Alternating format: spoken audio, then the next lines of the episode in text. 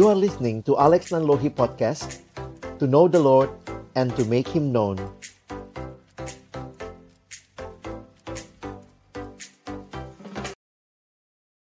Mari kita berdoa sebelum kita membaca merenungkan firman Tuhan. Kami datang di dalam ucapan syukur kepadamu Tuhan.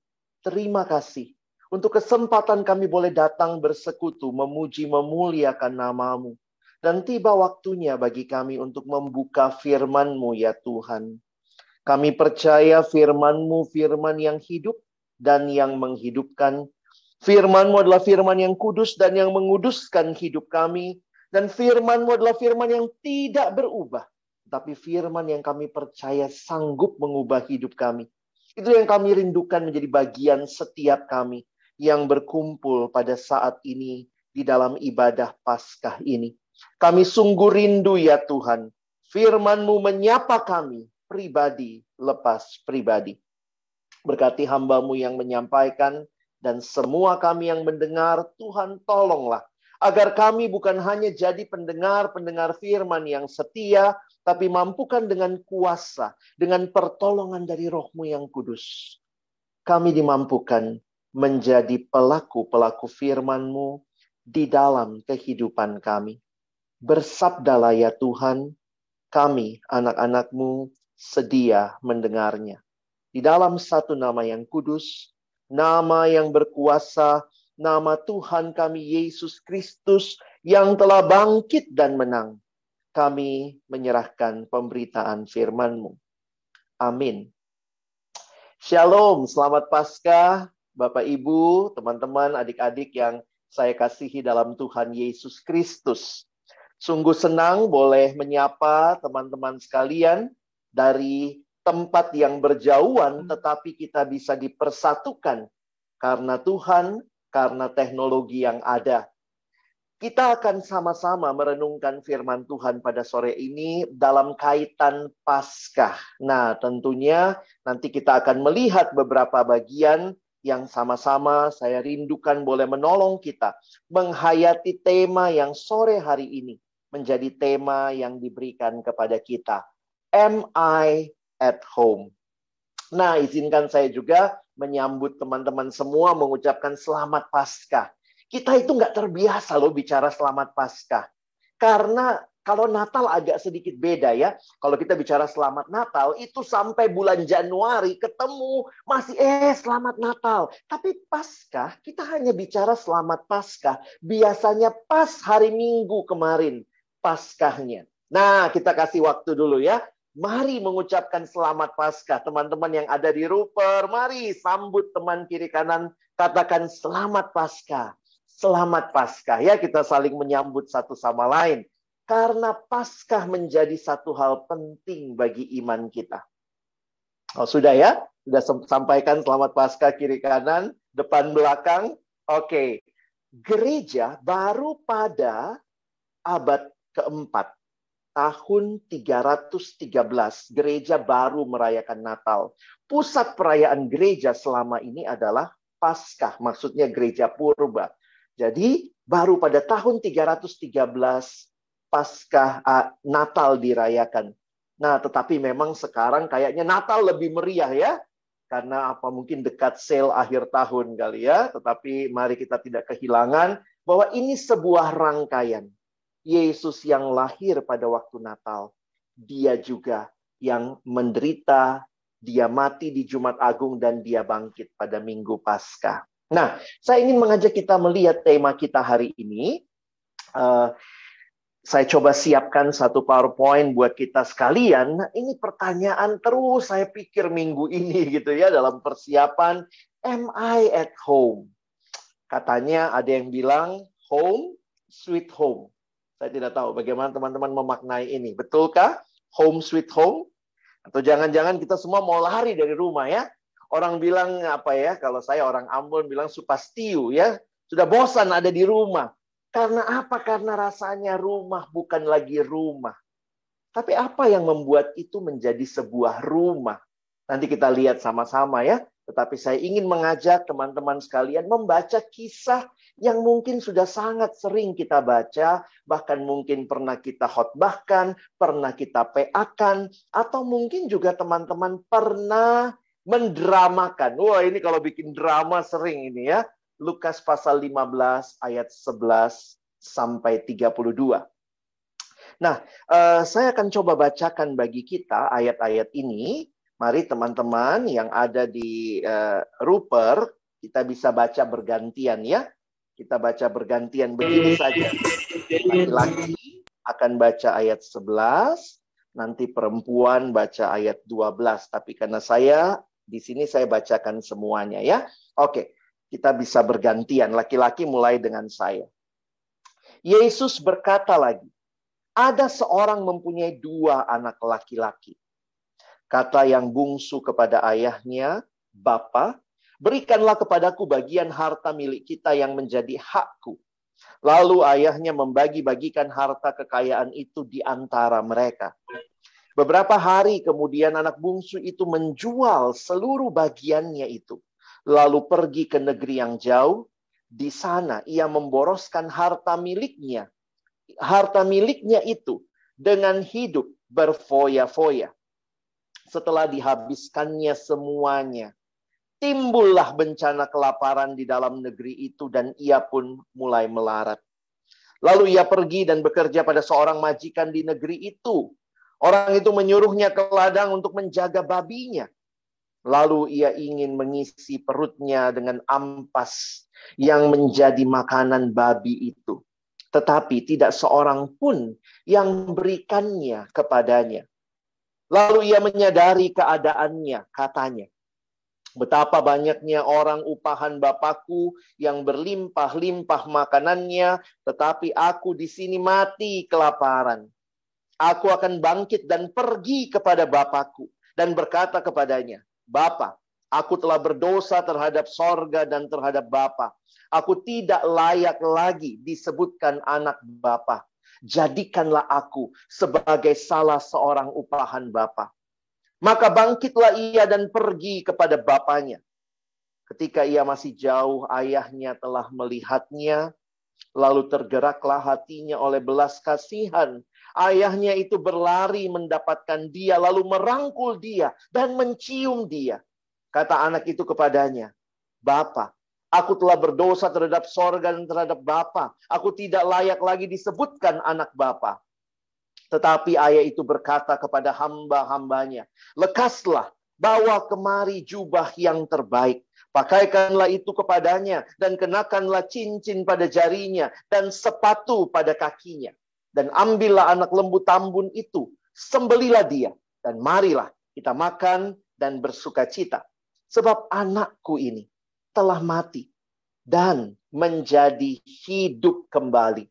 Ia telah hilang dan didapat kembali. Maka mulailah mereka bersukaria. Tetapi anaknya yang sulung berada di ladang dan ketika ia pulang dan dekat ke rumah, ia mendengar bunyi seruling dan nyanyian tari-tarian. Lalu ia memanggil salah seorang hamba dan bertanya kepadanya, apa arti semuanya itu? Jawab hamba itu, adikmu telah kembali dan ayahmu telah menyembelih anak lembu tambun karena ia mendapatnya kembali dengan sehat. Maka marahlah anak sulung itu dan ia tidak mau masuk. Lalu ayahnya keluar dan berbicara dengan dia. Tetapi ia menjawab ayahnya, telah bertahun-tahun aku melayani Bapak dan belum pernah aku melanggar perintah Bapa. Tetapi kepadaku belum pernah Bapa memberikan seekor anak kambing untuk bersuka cita dengan sahabat-sahabatku. Tetapi baru saja datang anak Bapa yang telah memboroskan harta kekayaan Bapa bersama-sama dengan pelacur-pelacur, maka Bapa menyembelih anak lembu tambun itu untuk dia. Kata ayahnya kepadanya, "Anakku, engkau selalu bersama-sama dengan aku, dan segala kepunyaanku adalah kepunyaanmu. Kita patut bersuka cita dan bergembira, karena adikmu telah mati dan menjadi hidup kembali, ia telah hilang dan didapat kembali. Sedemikian jauh pembacaan kitab suci, berbahagialah kita yang bukan hanya membacanya, tetapi merenungkannya, melakukan dalam hidup kita, dan bahkan membagikannya. Saudara yang dikasihi dalam Tuhan Yesus Kristus, perikop yang baru saja kita baca ini merupakan bagian rangkaian dari Lukas 15. Kita bisa kasih judul Lost and Found terhilang dan ditemukan. Kita perlu melihat konteksnya sebentar. Kenapa Yesus tiba-tiba cerita cerita ini?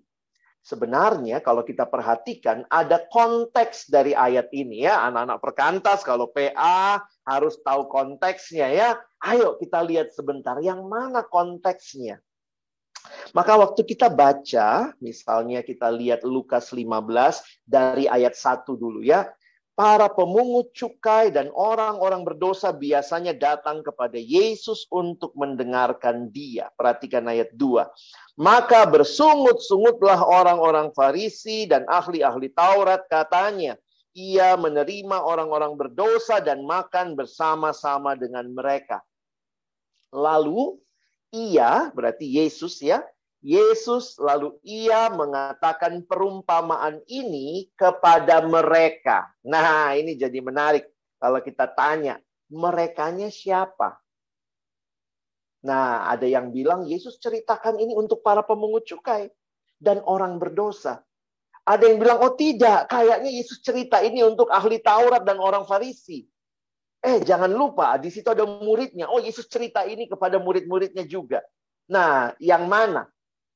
Kalau saya bilang sih tiga-tiganya ya, baik murid-muridnya, baik pemungut cukai orang berdosa, maupun juga orang Farisi dan ahli Taurat. Tiga-tiganya dengar perumpamaan ini. Karena itu, perumpamaan ini pasti punya makna bagi mereka. Misalnya, orang berdosa, waktu baca perumpamaan ini, mereka akan rasa mereka yang mana? Nah, yang hilang-hilang itu sudah orang itu ya. Sudah ada orang itu yang orang berdosa, mereka yang terhilang. Nah, kita akan lihat nanti sama-sama. Jadi kalau kita perhatikan, karena konteks inilah, Yesus menceritakan tiga perumpamaan tentang yang hilang. Tetapi perumpamaan ini bukan cuma bicara yang hilang, karena juga bicara bahwa ada ketika domba hilang, ada gembala yang mencari. Ketika dirham hilang, ada perempuan yang mencari. Dan ketika anak yang hilang, nah tunggu dulu, emangnya papanya pergi cari. Nah kita lihat nanti sama-sama ya. Nah saya tidak akan panjang membahas bagian ini karena kita sudah terlalu familiar sama cerita ini. Tapi mari saya ingin mengajak kita melihat sebentar, sahabatku, bahwa di dalam cerita ini sebenarnya kita bertemu dengan dua orang anak. Kadang-kadang ini yang kita lupa ya.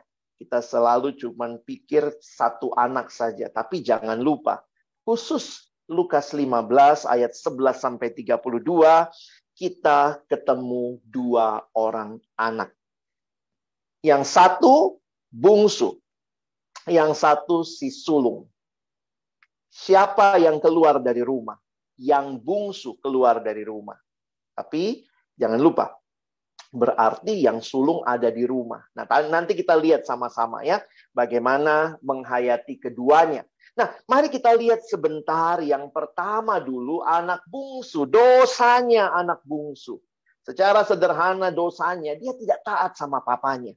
Kalau kita lihat yang tadi, dia digambarkan ya. Kata yang bungsu kepada ayahnya, Bapak berikanlah bagian harta milik kita yang menjadi hakku. Ini anak kurang ajar luar biasa. Saya pikir dalam semua budaya, kalau orang tua belum mati, jangan minta warisan ya. Ini sudah minta warisan waktu papa masih hidup. Papa masih sehat nampaknya. Berarti ini anak kurang ajar. Dia minta Bapa, berikanlah yang menjadi milikku.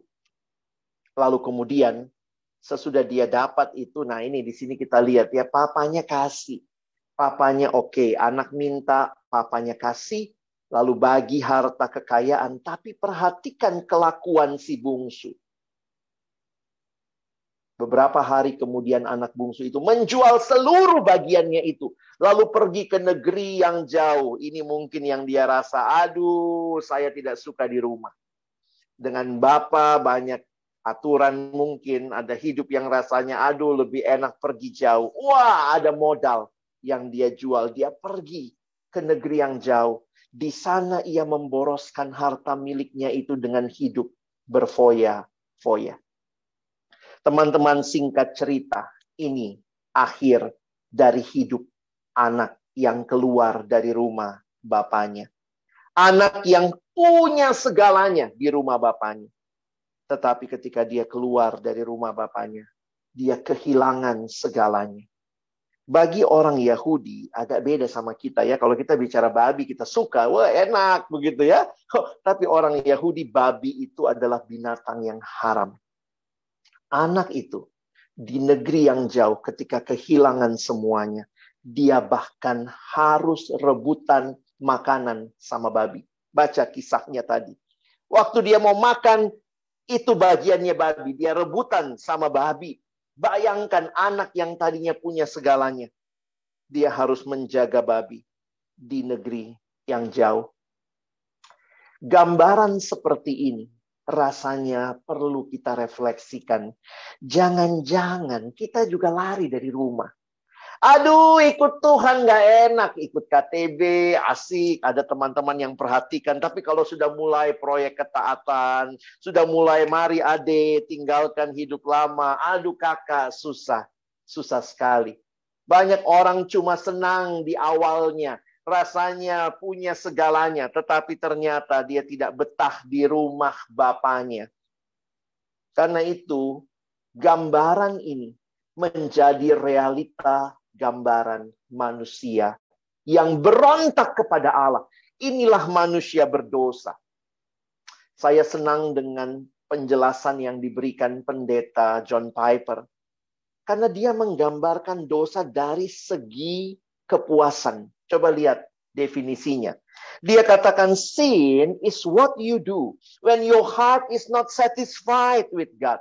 Dosa adalah apa yang kau lakukan ketika hatimu tidak puas dengan Allah. Harusnya karena kita ini adalah ciptaannya Allah, harusnya kita puas di dalam Allah. Tetapi ketika kita rasa Tuhan saya tidak mau engkau, bahkan kita lihat dosa manusia menukar hidupnya Hidup yang harusnya berfokus kepada Allah dan kehendaknya. Tetapi dosa intinya apa? Dosa fokusnya apa? Dosa itu titiriri saudara. Mati-matian demi diri sendiri. Fokusnya adalah aku. Kalau kita ngerti bahasa Inggris ya, dibilang begini, how do you spell sin? How do you spell sin? S-I-N. Apa itu S-I-N? Bahasa Inggrisnya bilang begini, sin is the I in the center. Aku yang paling utama, yang paling penting aku puas, aku senang, aku untung, aku aman, akulah segala-galanya, bukan Tuhan dan bukan sesama. I am everything. Bukankah hidup yang diberikan Tuhan kepada kita? Harusnya hidup yang kita tidak melupakan Tuhan, Hidup yang membuat kita menjadikan dialah segalanya. Karena kita ini hanya ciptaan. Hidup di dalam dosa digambarkan sebagai hidup yang terbelenggu. Perhatikan Rasul Paulus bahkan mempersonifikasi dosa. Maksudnya apa? Paulus menggunakan istilah dosa itu seperti seorang tuan yang sedang memperbudak. Makanya kita disebut hamba dosa. Di dalam dosa, kita dibelenggu. Saya tidak tahu pergumulan teman-temanku, adik-adikku sekalian. Tetapi kalau ini adalah pergumulanmu, mari sadari. Sudah berapa jauh kita dari rumah, dari Allah dan kehendaknya. Banyak orang yang menikmati dosa, bukan cuma melakukan, tetapi menikmati. Bahkan seorang sahabat saya pendeta Erik Sudarma berkata generasi ini adalah generasi yang berpesta pora dengan dosa. Dan dosa sifatnya membelenggu. Ada yang terbiasa judi, minum. Aduh, saya juga papa orang timur ya. dari Ambon, dari Maluku. Su lah orang-orang kalau ada perayaan itu bilang perayaan Natal, tapi itu bir mesti ada. Hmm, nanti sudah pulang mabok, mabok pukul bini, pukul istri, pukul anak-anak. Kadang-kadang itu satu realita yang menyedihkan. Kita ini di timur banyak mengaku kenal Tuhan Yesus, gereja di mana-mana, setiap gang ada gereja, tapi kelakuan jangan-jangan kita tidak lebih baik dari orang yang tidak kenal Tuhan. Ini satu realita yang saya juga alami. Dan pergumulan-pergumulan ketika kita menyadari tidak mudah. Ada yang diikat sama narkoba, ada yang diikat oleh rokok. Rasanya susah dilepaskan. Ini keterikatan. Ketika mengatakan Tuhan bukan apa yang kau mau, tapi apa yang saya mau, apa yang saya suka. Bodoh amat sama Tuhan. Tidak heran banyak orang ikut KTB bertahun-tahun tidak ada perubahan hidup. Tidak ada pertumbuhan. Kenapa? Tidak pernah serius tinggalkan dosa. Teman-teman yang dikasihi Tuhan, jangan-jangan kita anak bungsu yang lagi lari dari rumah. Hati-hati, banyak hal yang bisa mengikat kita. Sekarang saya malah lebih takut begini ya. Mungkin kalau anak perkantas, ah sudahlah dia tidak minum-minum, aduh rokok saja, baunya aja dia nggak suka gitu ya. Tapi jangan-jangan kita terikat juga. Sekarang ada bentuk-bentuk keterikatan modern. Ini terikat dengan hal-hal yang baik, tapi salah digunakan. Coba dengar penjelasan ke Alex. Polanya begini, kadang-kadang ada hal yang memang itu baik, tetapi ketika tidak dipakai dengan betul, itu jadi keterikatan baru. Contohnya apa? Nah ini, siapa yang tidak punya HP? Sekarang ini era digital, semua kuliah juga bahkan semua orang paling tidak punya HP atau pernah lihat HP lah ya, nggak mungkin nggak pernah lihat ya. Tapi banyak orang punya HP. Ini HP sendiri baik, tetapi ketika kita menggunakannya dengan tidak benar, maka kita punya HP, kita dibilang punya smartphone, tapi justru tidak smart. Ketika dosa membelenggu, hal baik yang tidak digunakan dengan benar menjadi keterikatan baru. Contoh lain apa ya? Ini kayak uh, sekarang banyak orang belanja ya. Sekarang mau belanja apa saja sudah bisa. Tapi jangan-jangan kita kecanduan belanja itu beda. Kita belanja karena butuh, tapi banyak orang sekarang belanja karena apa? Dia nggak butuh tapi beli. Saya ketemu ada orang nih gitu. Aduh kak, ini saya beli ini barang ini kak. Aduh, saya bilang kenapa kau beli? Kau butuh? Enggak kak, ini lucu. Hah? Beli barang cuma karena lucu, bukan karena butuh. Terus habis habis beli ketawa-ketawa. Hihihi. So, gila kak? Banyak orang tidak bisa membedakan mana keinginan, mana kebutuhan.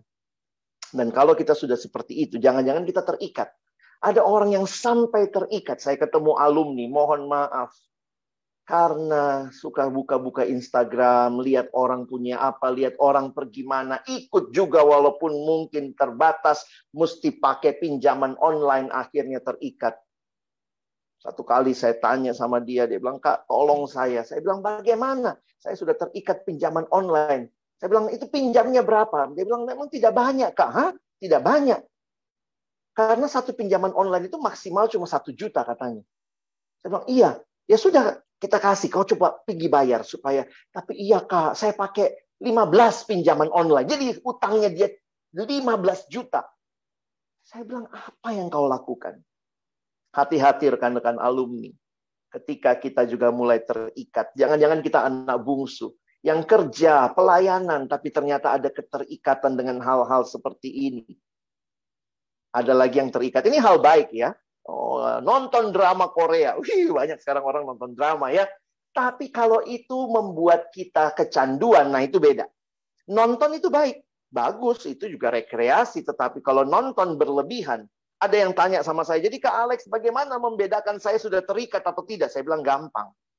Coba lihat, apa tugas utamamu? Saya mahasiswa Kak, berarti tugas utamamu belajar. Maka kamu tugas utamanya belajar nonton drama sambilan. Jangan dibalik nonton drama utama. Lalu sambilannya kuliah. Suka balik. Tidak bisa.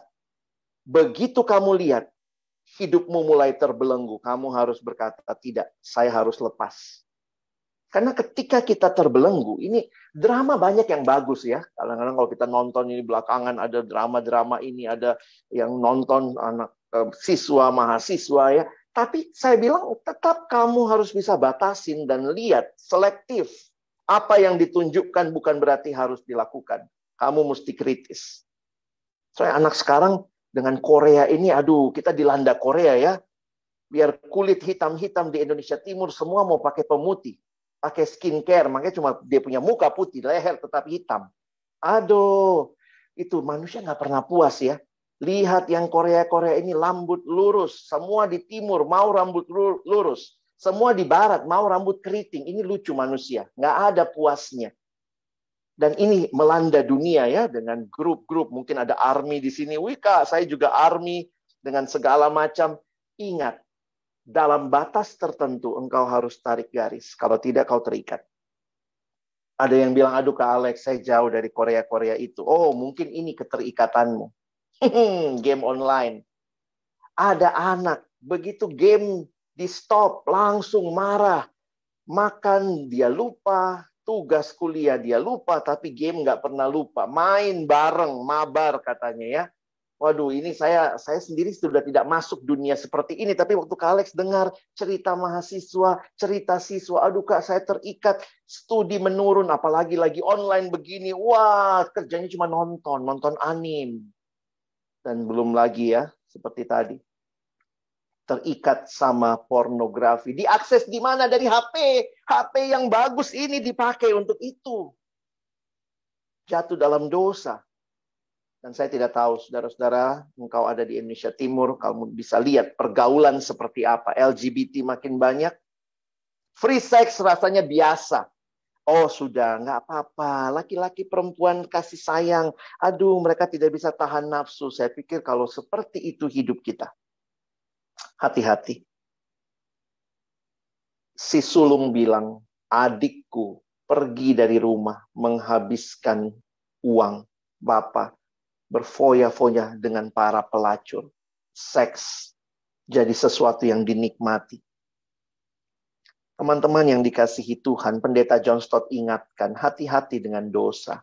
Beliau menggambarkan seperti ini ya.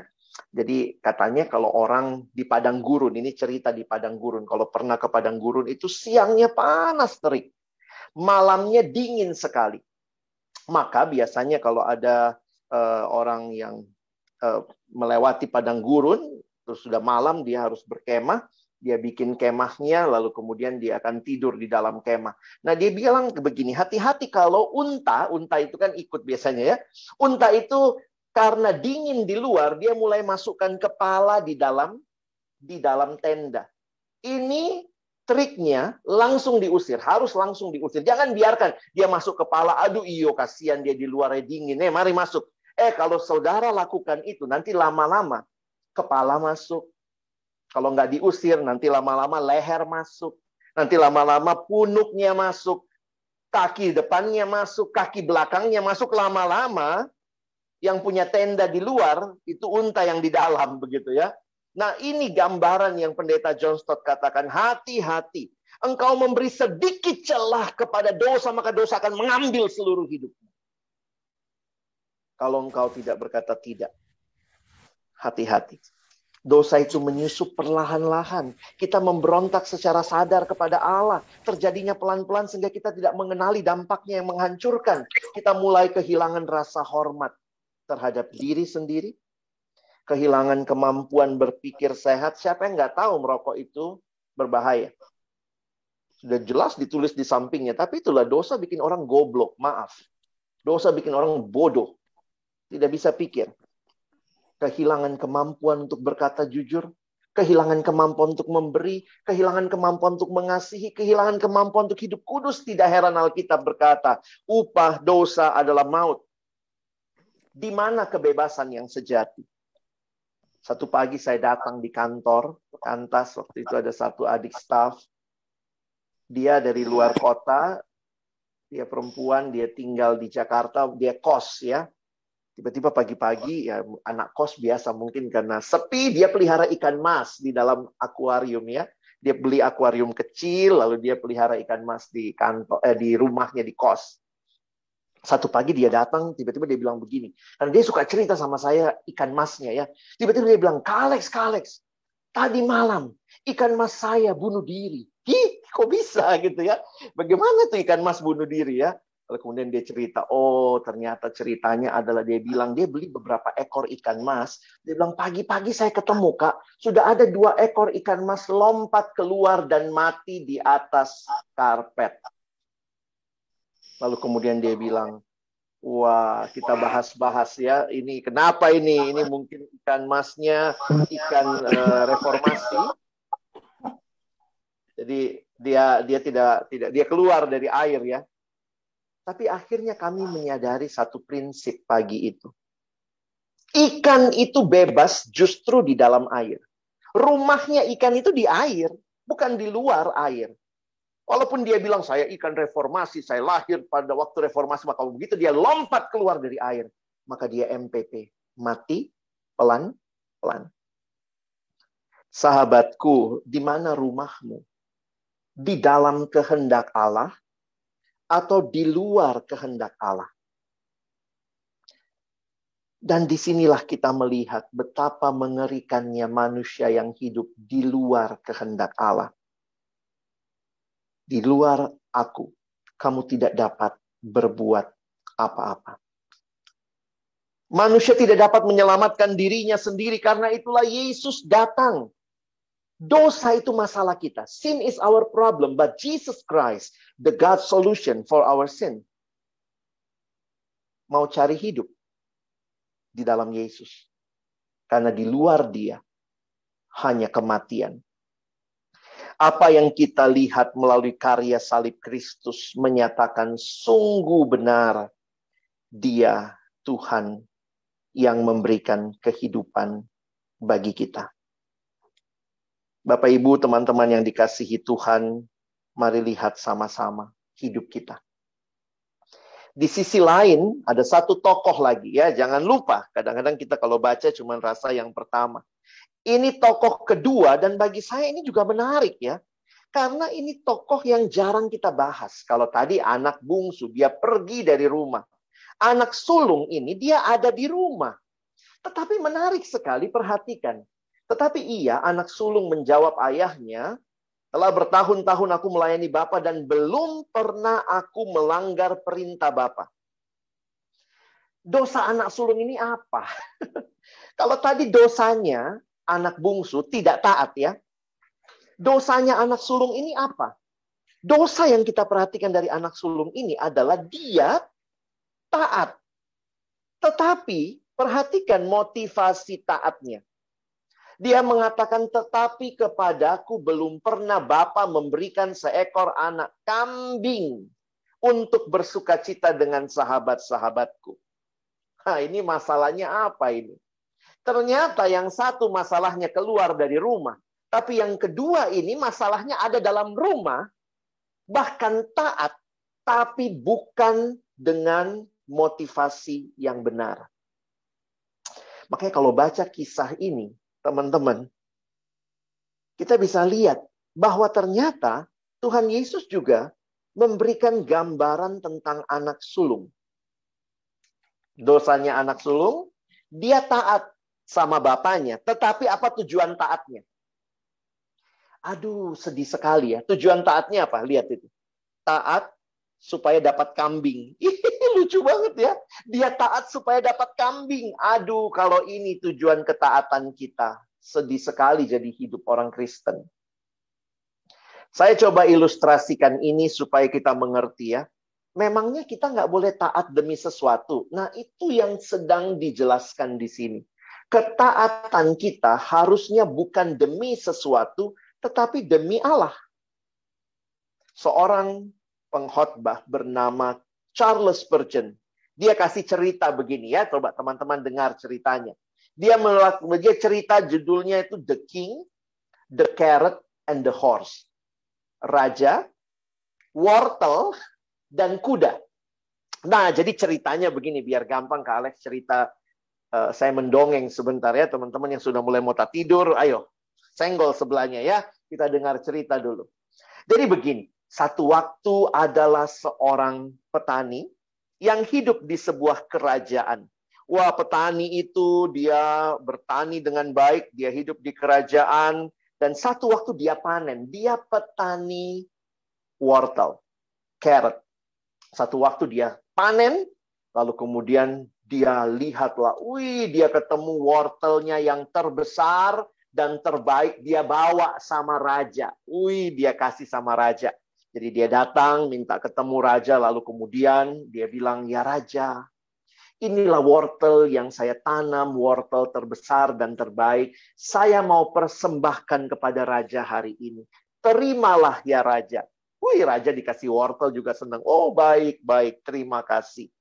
Karena dia tujuannya kasih wortel, habis kasih wortel dia balik badan, sudah. Dia pulang, dia mau keluar. Begitu dia mau keluar pintu istana, ternyata raja sangat terenyuh hatinya. Raja bilang, eh sebentar, sebentar, tunggu dulu. Balik lagi. Terus raja bilang, aduh saya sangat terenyuh dengan ketulusan hatimu. Lalu raja bilang, saya mau kasih sama kau. Sepertiga kebun istana. Saya kasih untuk kamu, silahkan kamu pakai. Wih, dia dikasih sepertiga kebun istana kan senang juga ya. Jadi dia bilang, bener ya raja. Bener, kata raja. Baik, terima kasih raja, terima kasih. Dia keluar istana dengan sukacita, dengan muka yang gembira. Lalu dia ketemu temannya di luar. Terus temannya bilang, hei, kenapa kau sukacita sekali? Kenapa senyum-senyum? Aduh, tadi saya bawa wortel sama raja. Oh, begitu. Terus kenapa senang? Oh, terus abis itu raja kasih saya sepertiga kebun istana. Wih, temannya dengar. Oke, okay. Kasih wortel dapat sepertiga kebun istana. Ah, besoknya dia mau coba. Orang ini dia bukan petani. Besok harinya dia bangun pagi, dia seorang peternak, teman-teman. Akhirnya besok pagi peternak ini mulai keluar rumah, dia bawalah kuda dia bawa kuda yang terbesar dan terbaik, yang tergagah. Dia bilang, saya mau persembahkan sama raja. Akhirnya dia datang ketemu raja. Lalu kemudian raja bilang, oh ya, apa yang kau mau lakukan? Oh, raja, saya hari ini ingin mempersembahkan kuda ini untukmu ya raja. Wih, raja dapat kuda juga senang ya. Oh, terima kasih banyak, saya terima kudanya. Setelah raja terima kuda, dia tunggu dia tunggu kapan mau kasih sesuatu. Terus raja bilang, kan sudah. Kau mau kasih kuda kan? Iya, iya udah saya sudah terima kudanya. Terima kasih. Dia tunggu, dia lihat raja begini. Oh, raja baru pikir. Oh, oke. Okay. Raja bilang sama dia, kau berharap seperti temanmu kemarin? Raja bilang, kamu dan temanmu kemarin beda motivasi. Yang kemarin, temanmu, petani itu, memang bawa wortel itu untuk saya. Tapi hari ini, kau tidak bawa kuda itu untuk saya. Kau sedang bawa kuda itu untuk dirimu sendiri. Ini kalimat kunci dari ilustrasi ini. Yesterday, the gardener, si tukang kebun itu, si petani itu, The gardener gave me the carrot, but you, you gave yourself the horse. Kamu datang ke sini bukan mau mempersembahkan kuda ini. Kamu bawa kuda ini karena kamu mau sesuatu dari saya. Bukan itu ketaatan yang Tuhan mau. Bukan ketaatan demi sesuatu. Ada satu orang pernah bilang, iya saya mau ikut Tuhan supaya saya sukses. Berarti kau tidak sungguh-sungguh cinta Tuhan. Kau cuma pakai Tuhan untuk tujuanmu sendiri. Taat demi sesuatu, hati-hati. Mungkin kamu taat supaya dilihat orang, dipuji orang. Ih, dia pemimpin KTB loh. Makanya kamu saat teduh. Kenapa saat teduh? Supaya adik-adikku bangga sama saya. Kamu bukan menikmatinya dalam relasi dengan Tuhan. Ada orang yang cuma mau ikut Tuhan supaya dapat berkat. Kamu cinta berkat atau cinta pemberi berkat? Beda nggak? Jangan-jangan kita lebih cinta berkat daripada sang pemberi berkat. Ada orang-orang yang demi menyombongkan diri. Wih, di pelayanan, wih, lihat saya ini ya. Wih, saya PKK, saya pengurus, wih, saya pengurus, saya ketua mungkin, saya pelayanan, wah, orang lihat kita. Jadi kita taat. Jangan-jangan bukan karena Tuhan, bukan benar-benar kita cinta Tuhan, tapi kita sedang menyombongkan diri. Atau kita sedang menyenangkan diri. Ini taat yang bukan demi Allah, tapi demi diri sendiri. Dan Tuhan koreksi juga. Bukankah itu hidupnya orang Farisi? Jangan lupa tadi yang dengar ilustrasi ini ya. Waktu Tuhan Yesus cerita perumpamaan ini, kalau yang farisi-farisi mungkin akan mengkaitkan dirinya, aku taat loh, aku kan taat lakukan semua hukum Taurat, tetapi dia lakukan supaya dipuji orang, supaya dilihat orang, bukan untuk Allah, tapi untuk dirinya sendiri. Kalau orang berdosa, pemungut cukai mungkin akan langsung mengkaitkan dirinya dengan sang anak bungsu. Wah, Tuhan Yesus hebat sekali ya. Ini kayak orang main biliar. Satu kali pukul, kena dua bola. Hehe, ya. Wah, langsung dua-duanya kena. Jadi kalau kita lihat sebenarnya, ada berapa anak yang hilang? Ada berapa anak yang hilang? Bukan cuma satu, ada dua. Satu hilang karena keluar dari rumah.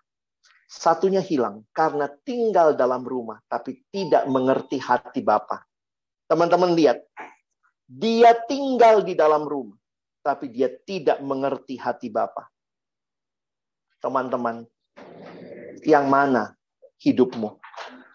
Mari belajar melihat yang mana hidupmu. Kalau kita perhatikan, si bungsu dan si sulung. Bungsu itu jelas tidak taat. Sulung itu taat, tapi demi sesuatu. Harusnya kita jadi apa?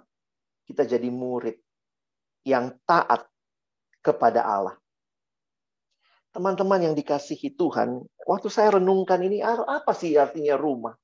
Rumah itu bukan cuma dekat dengan Tuhan, tetapi melakukan kehendak Tuhan itu namanya sudah di rumah. Kalau kamu sudah di rumah, main di ruper terus, tapi terus hidup dalam dosa, itu di rumah mana itu? Kamu aktif di gereja, tapi kamu terus menikmati dosa, itu rumah apa? Rumah berarti kita dekat dengan Bapa, tetapi lebih lagi kita melakukan kehendaknya. Maka pertanyaan hari ini, sudah di rumah belum kita? Sudah kak, saya sudah pengurus. Saya sudah ikut kelompok kecil, KTB, saya sudah ikut semua kak. Tapi jangan-jangan kamu belum di rumah, karena kamu hanya ikut. Tapi kamu tidak lakukan apa yang Tuhan mau. Dan siapa yang butuh juru selamat? Anak bungsu atau anak sulung? Siapa yang butuh juru selamat? Anak bungsu atau anak sulung? Dua-duanya butuh. Karena dua-duanya hilang. Satu hilang di luar rumah. Satu hilang dalam rumah, ini lebih sedih lagi. Tapi dua-duanya ada Bapa yang mengasihi mereka. Saya mau tutup dengan respon sang Bapa. Perhatikan sebentar, lihat respon sang Bapa. Bagi saya inilah yang luar biasa ketika merayakan Jumat Agung dan Paskah. Seperti Bapa yang sayang sama anaknya. Ketika anak bungsu masih jauh, dikatakan bangkitlah bapaknya. Jadi kalau lihat dari kalimat ini, bapaknya berarti setiap hari tunggu dia. Karena kalimatnya ketika ia masih jauh, ayahnya telah melihatnya, berarti dia terus menunggu. Lalu tergeraklah hatinya oleh belas kasihan. Teman-teman, mungkin buat kita yang baca, karena kita orang modern, kita nggak menghayati ya. Orang Yahudi, seorang bapak, itu harga dirinya tinggi sekali. Lebih tinggi dari harga dirinya tadi sih papanya Niko itu ya. Makanya ketika Yesus bilang ayahnya itu berlari, siapa yang hilang? Anaknya yang hilang. Harusnya anaknya dong yang lari pulang. Waktu lihat bapaknya, bukan bapaknya yang lari. Ini tidak biasa. Jangan bilang, oh papanya sportif. Itu kacamata modern. Tapi lihat ayahnya itu berlari. Seorang penafsir Alkitab berkata, kalau dia berlari, maka dia harus angkat jubahnya. Bayangkan seorang ayah Yahudi kelihatan kakinya itu tidak lazim. Tidak lazim. Ini Bapak yang sangat mengasihi. Dia lari. Dia dapatkan anaknya. Dia rangkul, dia cium dia. Ini anak bau babi, betul kan? Ini anak bau babi toh? Yang tadi dari kandang babi. Tapi Bapak itu rangkul cium dia. Lalu Bapak memulihkan semua haknya. Perhatikan bawa kemari jubah. Waktu itu yang pakai jubah hanya anak orang kaya. Pakaikan itu kepadanya. Kenakanlah cincin pada jarinya. Zaman itu, cincin itu materai, tanda otoritas. Jadi kalau orang transaksi apa-apa itu pakai cincin. Kalau sekarang mungkin itu kayak kredit card ya. Lalu dikatakan, kenakan sepatu pada kakinya. Maksudnya apa? Ternyata hanya budak, sorry, hanya tuan di masa itu yang pakai sepatu. Kalau dia budak, dia telanjang kaki. Itu kebiasaan di masa itu. Jadi waktu Yesus ceritakan ini, Yesus mau cerita bapaknya yang betul-betul mengasihi, menyambut, tidak mau anak itu terhilang. Dan ketika dia pulang, dia disambut, dia dipulihkan. Anak lembu diambil, disembeli. Mari makan, kata bapaknya. Bersuka cita. Anakku telah mati dan menjadi hidup kembali. Telah hilang dan didapat kembali. Maka mulailah mereka bersukaria. Wow, ini gambaran yang luar biasa. Anak bungsu, teman-temanku yang lari dari rumah. Ayo pulang. Bapak menunggu. Anak sulung Waduh, waktu Kak Alex baca ayat ini, saya juga bingung ya. Maka marahlah anak sulung itu dan tidak mau masuk. Coba kalau kamu punya anak, lalu anaknya tidak mau masuk, ya sudah tunggu urusan dia. Tapi ini bapak sekali lagi bagi anak sulung, ayahnya keluar berbicara dengan dia. Teman-teman, Tuhan mengasihi. Baik engkau yang bilang, Tuhan saya sudah terlalu jauh dari Tuhan. Atau mungkin kamu yang bilang, Tuhan saya selama ini di dalam rumah, tapi saya munafik Tuhan. Tuhan mengasihi kita. Dia datang buat kita. Dia utus anaknya Yesus Kristus. Yang dimulai di saat Natal. Dia bertumbuh. Dia melayani. Dia menderita. Dia pikul salib. Dia mati di kayu salib. Tapi dia bangkit Salib menunjukkan betapa seriusnya dosa kita. Namun salib juga menunjukkan kasih Allah yang tidak terukur. Apa yang teman-teman dan saya lihat pada waktu Jumat Agung dan Paskah. Karya Kristus, penderitaan yang sungguh luar biasa sampai mati di kayu salib. Dia bukan pura-pura mati, dia sungguh-sungguh mati. Karena dia sungguh-sungguh mati, maka dia sungguh-sungguh bangkit. Malaikat berkata, ia telah bangkit. Ia tidak ada di sini. Lihatlah tempat mereka membaringkan dia. Teman-teman yang dikasihi Tuhan, karya Kristus mengasihi kita itu lengkap, genap. Bukan hanya Jumat Agung, tetapi ada Minggu Paskah. Kalau tidak ada Minggu Paskah, itu bukan Jumat Agung. Bayangkan, kenapa namanya Jumat Agung? Kalau tidak ada minggu pasca itu Jumat paling sial karena ada orang mati dia pikir dirinya juru selamat dan tidak pernah bangkit. Tetapi Jumat itu jadi agung karena dia yang mati di sana. Dia bangkit. Dia bangkit ketika kita lihat Kristus menang dan kemenangannya itu memberikan kepada kita kekuatan untuk menjalani hidup kita ke depan. Tanpa kebangkitan, salib tidak ada artinya. Tetapi karena dia bangkit, maka salib punya arti.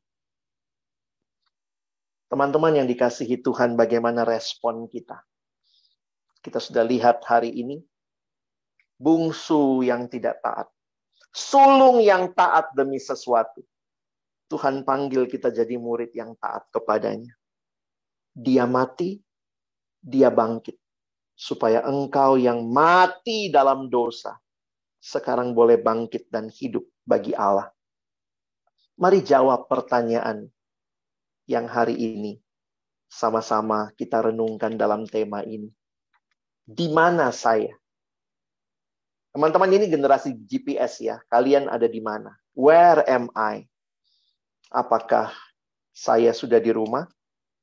Am I at home? Rumahnya apa? Bukan cuma bersama dengan Bapa, tetapi juga melakukan kehendak Bapa dengan motivasi hati yang tulus. Maka hari ini saya rindu teman-temanku kembali merayakan Paskah dengan satu hati yang terbuka untuk kembali datang dibaharui di dalam Kristus. Siapa pun kita, lebih mirip anak bungsu, lari terus dari rumah, Tuhan mengasihimu. Mungkin kita anak sulung, sudah banyak pelayanan, tapi motivasi masih kadang-kadang sana sini. Masih cinta diri. Kita belum sungguh-sungguh cinta Tuhan. Kita pelayanan supaya dilihat orang, supaya dipuji orang. Mari kembali. Tuhan mau kamu kembali ke rumah. Dan hari ini, mari kita jawab di hadapan Tuhan. Amin. Mari berdoa. Bapa Surgawi, terima kasih untuk firman-Mu. Terima kasih untuk setiap hati yang terbuka di hadapan Tuhan. Sekali lagi, tolong kami. Bukan cuma jadi pendengar-pendengar yang setia. Jadikan kami pelaku-pelaku firman. Tolong kami. Tidak mengeraskan hati. Tapi kami kembali kepada Tuhan. Yang sudah mencintai kami luar biasa sampai memberikan anakmu Yesus Kristus mati di kayu salib menggantikan kami. Tapi engkau bangkit dan memberikan kemenangan itu bagi kami. Terima kasih banyak Tuhan. Bagimulah hidup kami. Dalam nama Tuhan Yesus kami sudah berdoa. Amin.